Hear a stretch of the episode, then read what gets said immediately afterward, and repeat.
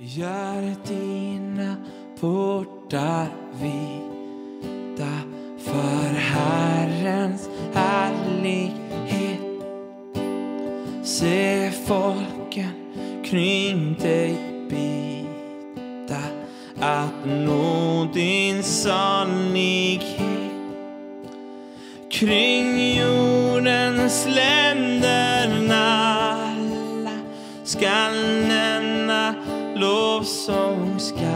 alla välsignad vare han som kom i Herrens namn, ja, som kom i Herrens namn.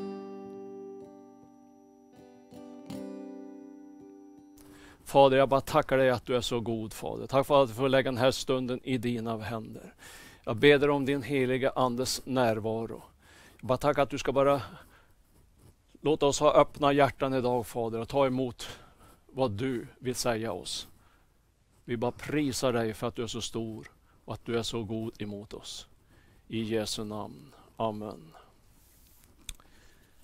Ja, idag hade jag tänkt tala lite om betjänande. Att betjäna människor. Att eh, betjäna människor för Guds rikets framgång. Och eh, när vi tänker på betjänande så tänker vi kanske lite så här att det är liksom ett service, att man servar någon, att man hjälper någon. Och visst är det så, men det finns så mycket, mycket mer i betjänande. Jag vill säga att det är en andlig tjänst i Guds rike. Att eh, det är så det är så en dyrbar tjänst att tjäna Jesus. För att det finns ett syfte med att betjäna andra människor och det är att Guds rike ska gå framåt. Det är det yttersta syftet med betjänande. Att Guds rike ska utbredas på den här jorden. Och eh, jag tycker det finns så mycket vackert i betjänandet när man läser Guds ord, när man ser vad som står i Guds ord om betjänande. Det är så enkelt. Det är så mycket som är så enkelt. Och eh, om man tänker, det står så här i Matteus 10 och 42 att om du ger en av dessa minsta ett glas vatten så ska du få en lön för ett litet glas vatten. Gud kräver inte någonting mycket av oss. Gud bara, han, han bara vill att vi ska ha ett betjänande hjärta. Och eh, den andliga dimensionen i att betjäna, det är att ha ett hjärta som klappar för Jesus. Att ha ett hjärta som klappar för att Guds rike ska gå framåt. Och så tänkte vi att på, när vi tänker betjäna, då tänker vi att det är så många som är så mycket, mycket mer duktigare än jag. Och vi tänker att bara jag varit nog duktig, om jag är nog skicklig, om jag är nog smart, så skulle jag kunna vara en ännu större tjänare. Men vet du att Gud är inte intresserad vad du kan.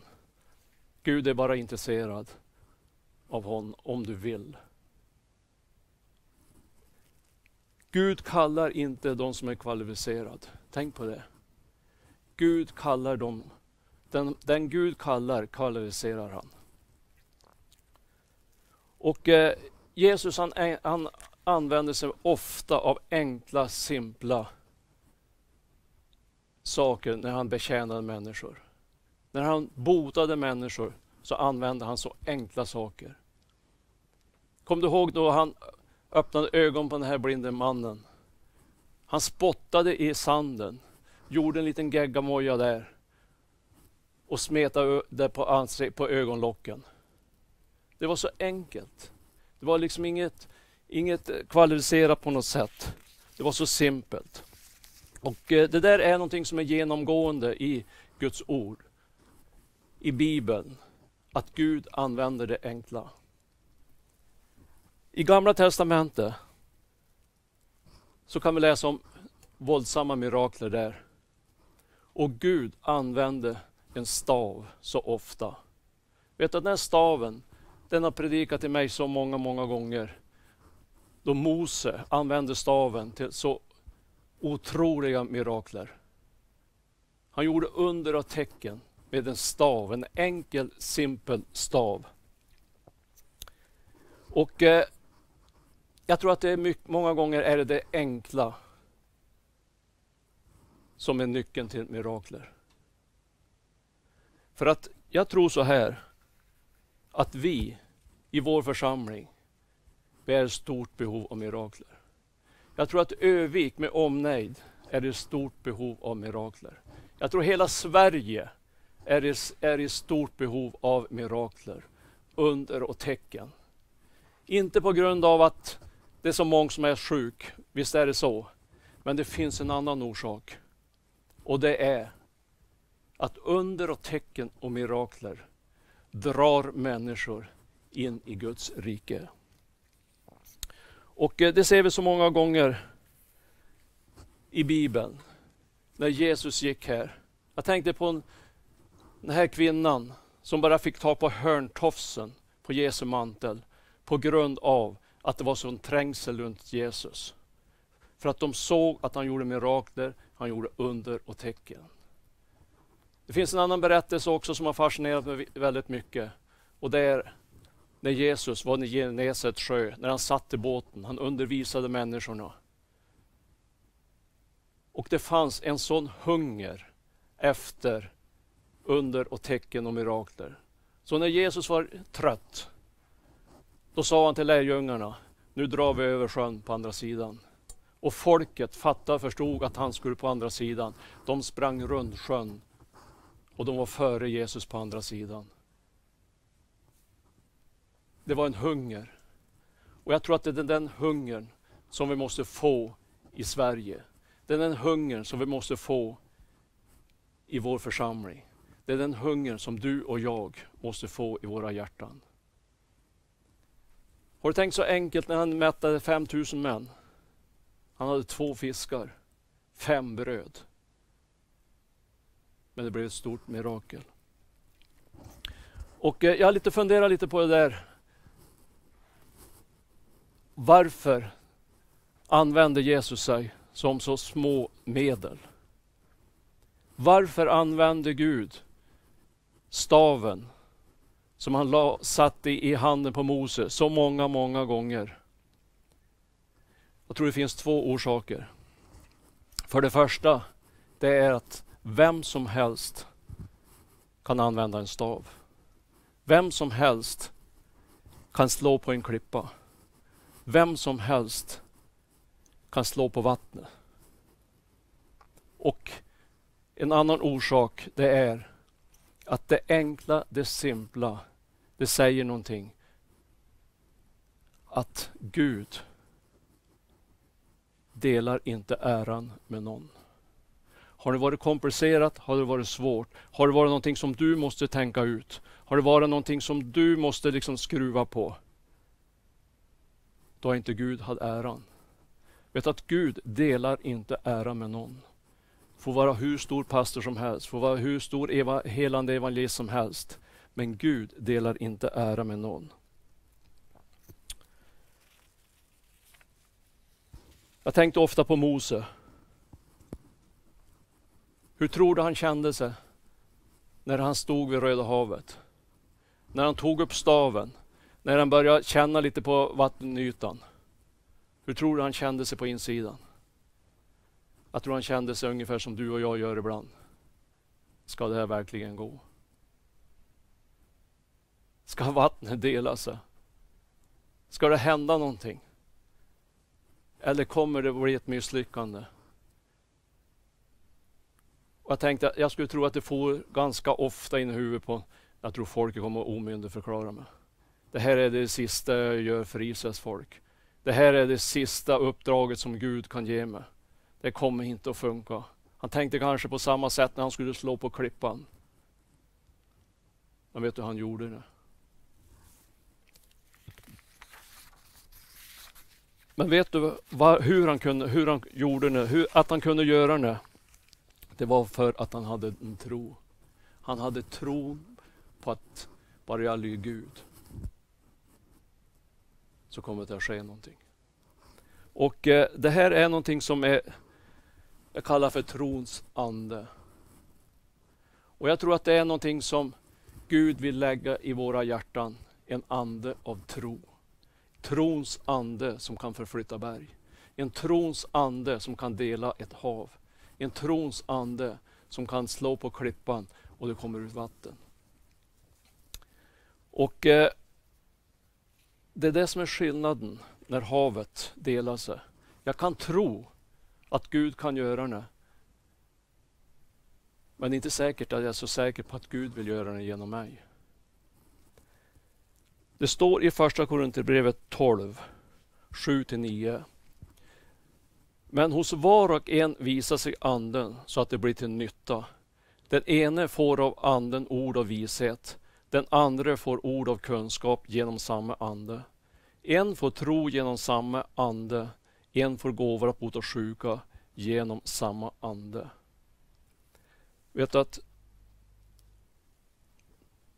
trons ande står i, samma, i sammanhanget av nådegåvor. En trons ande, det är en nådegåva. En nådegåva, den ges till den som vill ha den. Det är någonting man kan be om. Det är någonting man kan söka. För att det står i Första Korinthierbrevet 14 att sök, var ivriga att söka de andliga gåvorna. Och trons ande, det är det som ger kraft till en stav. Det är det som ger styrka till det vapen som Gud har lagt i dina händer.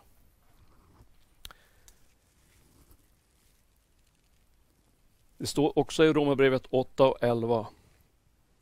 Och om anden från honom som uppväckte Jesus från de döda bor i er, då ska han som uppväckte Kristus från de döda också göra era dödliga kroppar levande genom sin ande som bor i er. Tänk på det, att samma ande som uppväckte Jesus från de döda bor i dig. Det är ett våldsamt kraftigt bibelord.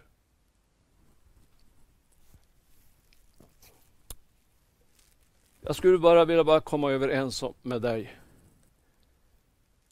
om att memorera de här två bibelorden. Att bara läsa dem så ofta du kan. Första Korinthierbrevet 12, 7-9, Romarbrevet 8 och 11. För tron kommer av predikan. Tron kommer av att vara i Guds ord. Och eh, jag tror det är absolut nödvändigt att ha trons ande i den tid vi lever nu. Att ha en ande av tro. Jag har varit ganska mycket på, på mission ute på team. Och eh, man ser så tydligt vilka människor som har trons ande. För det finns människor som har varit med om så våldsamt mycket. Jag var med en kvinna i Azerbajdzjan som hade uppväckt en död. Vet du, det präglade mig så oerhört efter det där. För hon hade en ande av tro att ingenting var omöjligt. Ingenting är omöjligt för Gud.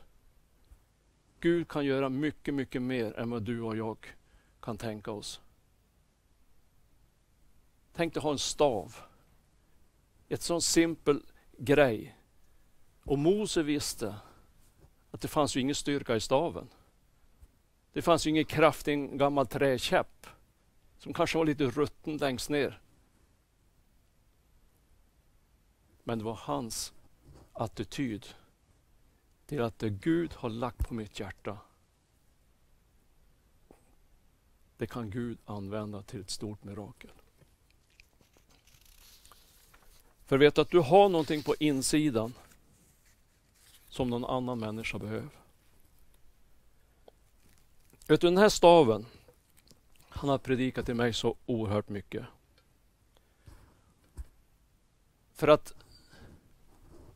när jag läser om staven, om Moses stav, om, det är många som använder en stav i Bibeln. Så sa Gud till mig en gång, använd det jag har lagt i dina händer. Lägg inte till någonting.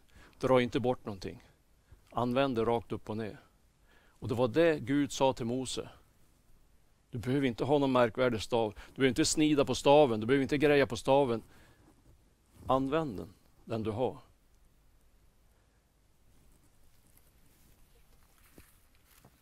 Vi ska läsa några bibelställen som handlar om staven. Och eh, Vi ska läsa från Fjärde Mosebok 20, vers 11. Sedan lyfte Mose upp sin stav och slog med sin stav två gånger på klippan och mycket vatten kom ut så att både folket och boskapen fick dricka. Det finns ett bibelord till. Andra Mosebok 14 och 16. Lyft din stav och räck ut handen över havet och klyv det så att Israels barn kan gå rakt igenom havet på torr mark.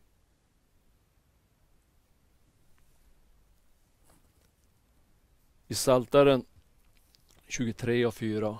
Även om jag vandrar i dödsskuggans dal fruktar jag inget ont, för du är med mig. Din käpp och stav, det tröstar mig. Har du tänkt på det, hur en stav, hur kan en stav trösta en? Din käpp och stav, de, det är de som tröstar mig. Vet att, vet du vad de gjorde med en stav? På Jesu tid, en herde. Vet du vad han gjorde med staven? Han försvarade sina får med staven, men han gjorde någonting annat också. Han märkte staven varje gång han hade besegrat lejon. Varje gång han hade besegrat en björn. Varje gång han hade befriat sina får ifrån vargar så skar han ett märke i staven. Och varje gång han tittade på staven så blev han tröstad. För han tänkte, har Gud varit med mig då, då kommer han att vara med mig, mig nu. Jätteviktigt att skriva upp alla under och tecken och mirakler som du varit med om. Stora som små. Det är det som tröstar dig när du tittar på staven.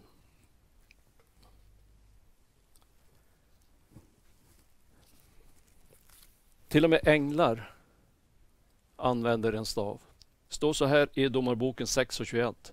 Herrens ängel räckte ut staven som han hade i handen och rörde med spetsen vid köttet och det osyrade brödet. Då slog det upp eld ur klippan och förtärde köttet och det osyrade brödet och Herrens ängel försvann ur hans åsyn. Till och med en ängel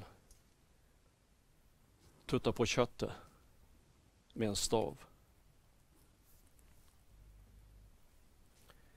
Ska läsa ett bibelord till. Du ska veta att det finns oerhört mycket när det gäller om en stav i Bibeln. Jag skulle bara inspirera dig bara att söka upp ordet stav och börja läsa om det, ska du se vad Gud kan göra ett mirakel med en sån enkelt redskap. Då räckte Mose ut sin stav över Egyptens land och Herren lät en östanvind blåsa över landet hela den dagen och natten. När det blev morgon förde östanvinden med sig gräshopporna. Det kom över hela Egypten och slog ner i stor mängd över hela Egyptens område. Så mycket gräshoppor hade aldrig förekommit och ska aldrig mer förekomma. Då täckte hela marken och landet blev mörkt och det åt upp landets alla växter, all frukt på träden, allt som haglet lämnade kvar. Inget grönt blev kvar på träden eller på markens växter i hela Egyptens land. Så du ser att Gud är inte beroende av stora ting. Gud är beroende av ditt och mitt hjärta. Gud är beroende av om du har en ande av tro eller inte. Om du gör din, lägger din tillit till vad han säger.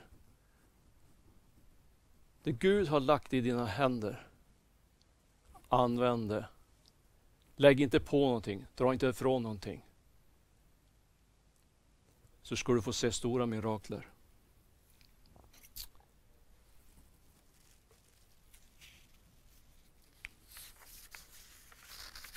Vet att när jag förberedde det här så tänkte jag på den yngre generationen.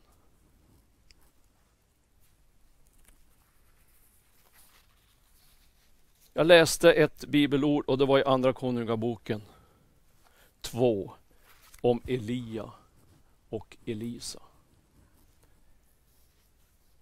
Jag tänkte så här det är dags för den yngre generationen att ta på er Eliamanteln. Precis som Elisa gjorde. Vet du att jag fick nöd för det här när jag satt och läste nu. Hur ska vi kunna överföra någonting på den yngre generationen? Vi som börjar bli äldre.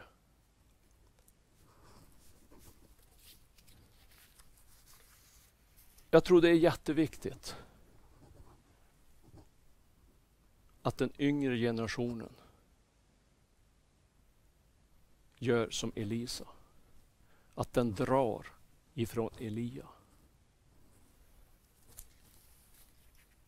Det finns något som en äldre generation i vår församling som den yngre generationen behöver. Det är en mantel och att betjäna. Det är en mantel av att bygga. Det är en mantel av att predika. Och det är en mantel av mission. För sanningen är den att den äldre generationen snart är borta.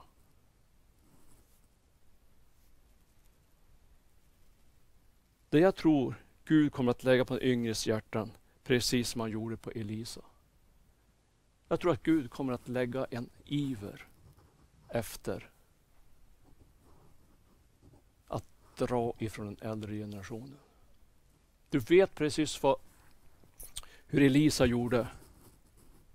Hur Elia, profet, lärjungarna sa till Elisa, Elia kommer att dra ifrån dig idag. Han ska upp till himlen idag. Vad sa Elisa? Jag vet, men var tyst. Säg ingenting. De sa det flera, flera gånger.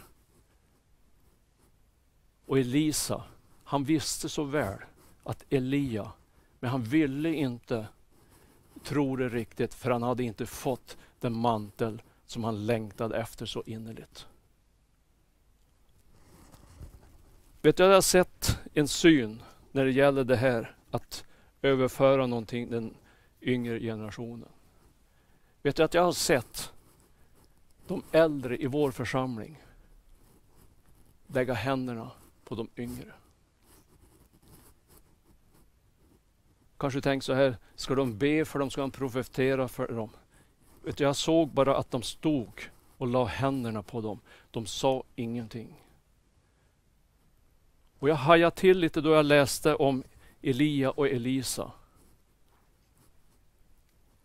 Elias sa egentligen ingenting till Elisa. Han sa bara så här, om du ser mig när jag åker iväg, då ska du få det du har begärt. Han bad inte för Elisa, han predikade inte för honom. Men han sa bara det. Och jag bara ser det framför mig att de äldre i vår generation, de som har byggt upp församlingen, de som har varit ute på mission, de som predikar, de bara lägger händerna på de yngre och överför någonting. Jag tror att det kommer att bli så. Jag har bara sett det på insidan. Och eh, om man läser det här kapitlet så ser man att Elisa, Elia tog sin mantel, vek ihop den och slog på vattnet i Jordanien och vattnet delade sig. Sen Elia hade gått till himlen så är Elisa ganska förtvivlad. Han tyckte det var jobbigt att han hade tappat Elia. Men han tog samma mantel för att det står att Elia tappade manteln när han drog iväg. Då tog Elisa manteln. Han vek ihop den och han slog på vattnet och vattnet delar sig. Och det säger mig någonting. Att man kan överföra någonting till nästa generation. Och det här har talat till mig så starkt. Att vi måste bara göra nu. Vi måste bara överföra någonting som Gud har lagt på våra hjärtan. Man kan tänka, är det så märkvärdigt då? Har du Gud lagt så märkvärdigt på dig så det är värt att lägga över någonting? Absolut. Jag tror det är så många som har så mycket till att överföra på en annan människa. Tänk dig Elia. Det var väl inget märkvärdigt. Bara vika ihop en mantel och slå på vattnet och det delade sig. Enkelt. Mose som hade staven, han slog. Och det skedde under och tecken. Enkelt. Vem som helst kunde göra det. Tänk på den tappade yxan som for ner i botten, ner i dyn. Och han sa bara, tälj till en träpinne, kasta den på vattnet. Järnet kom till att flyta upp. Enkelt. Vet du, Gud är i det enkla. Men det som är skillnaden, det är att om du har en ande av tro. Om du har trons ande, om du har den nådegåvan. Trons ande säger att ingenting är omöjligt. Trons ande säger att allt är möjligt.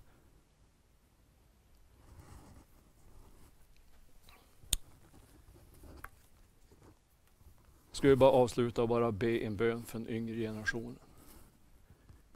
Det står i Amos 8 att Gud ska sända en hunger i landet. Vi ska bara be att Gud sänder en hunger bland den yngre generationen. I vår församling, i hela Sverige, i kristenheten i stort. Tror jag det behövs en hunger bland den yngre generationen att dra från den äldre. Precis som Elisa gjorde. Han drog ifrån Elia. Och han fick det Elia hade. För att jag tror att det skriande behovet i Sveriges kristenhet, i vår församling, i Övik. Jag tror av hela mitt hjärta, det under och tecken och mirakler. För Gud har så mycket för vårt land. Jag hörde en profetia alldeles nyss från Birger Skoglund. Där han stod på en arena precis som de, gick, som de går in, de går in på olympiad. Varje nation går med en flagga. Och han satt på arenan och satt och väntade. Ska inte Sveriges flagga komma snart? Det kom alla nationer. Men till slut så kom Sveriges flagga. Och då tänkte han så här. Jag undrar hur många som går bakom svenska flaggan. För att de skulle in på arenan. Det var en symbol på himlen. Och han tänkte, undrar om det är 500. Och han blev förvånad. När tusen var inne. Dubbelt så många som han hade tänkt. Men det bara kom mer och det kom mer. Det kom fler och det kom fler. Till slut så var han uppe i 100 000 han räknade in. Innan den processionen var slut så hade tre miljoner gått in. Birger Skoglund satt på parkett och han bara såg det. Tre miljoner gick in. Vet du att det är väckelsetider på gång? Tror du på väckelse? Tror du att Gud kan göra det en gång till? Jag tror det är fullt möjligt. Och vet du, han vill bara använda dig. Han vill använda den yngre generationen. Du är mer dyrbar för Jesus än vad du tror själv. Gud vill använda dig mycket, mycket, mycket mer. Jag vill bara be för den yngre generationen. Jag skulle bara be att den heliga Ande bara kommer din smörjelse över den Fader. Gud, jag ber dig för var, varje ung i vår församling Jesus. Jag ber dig att du heliga Ande ska bara plantera in någonting i deras hjärtan Fader. Gud, jag ber dig att de ska få en längtan att bara dra för, ifrån de som har gått före Jesus. Alla profeter Fader, alla som har, har gått, gått profetiskt fram Fader. Gud, bara lägg en längtan i dem att bara dra bara dra någonting ifrån himlen Jesus. Tack Herre Jesus för väckelsetider i vår församling. Tack för väckelsetider i Övik Jesus. Tack Jesus att den tiden är inte förbi Jesus. När människor ska börja ropa till dig Fader. Tack Fader för en hunger, en längtan ska du bara lägga i varje en Fader. Jag ber om det i Jesu namn Fader. Bara tack att du är så god Fader. Tack Jesus att du bara välsignar oss var och en. Amen.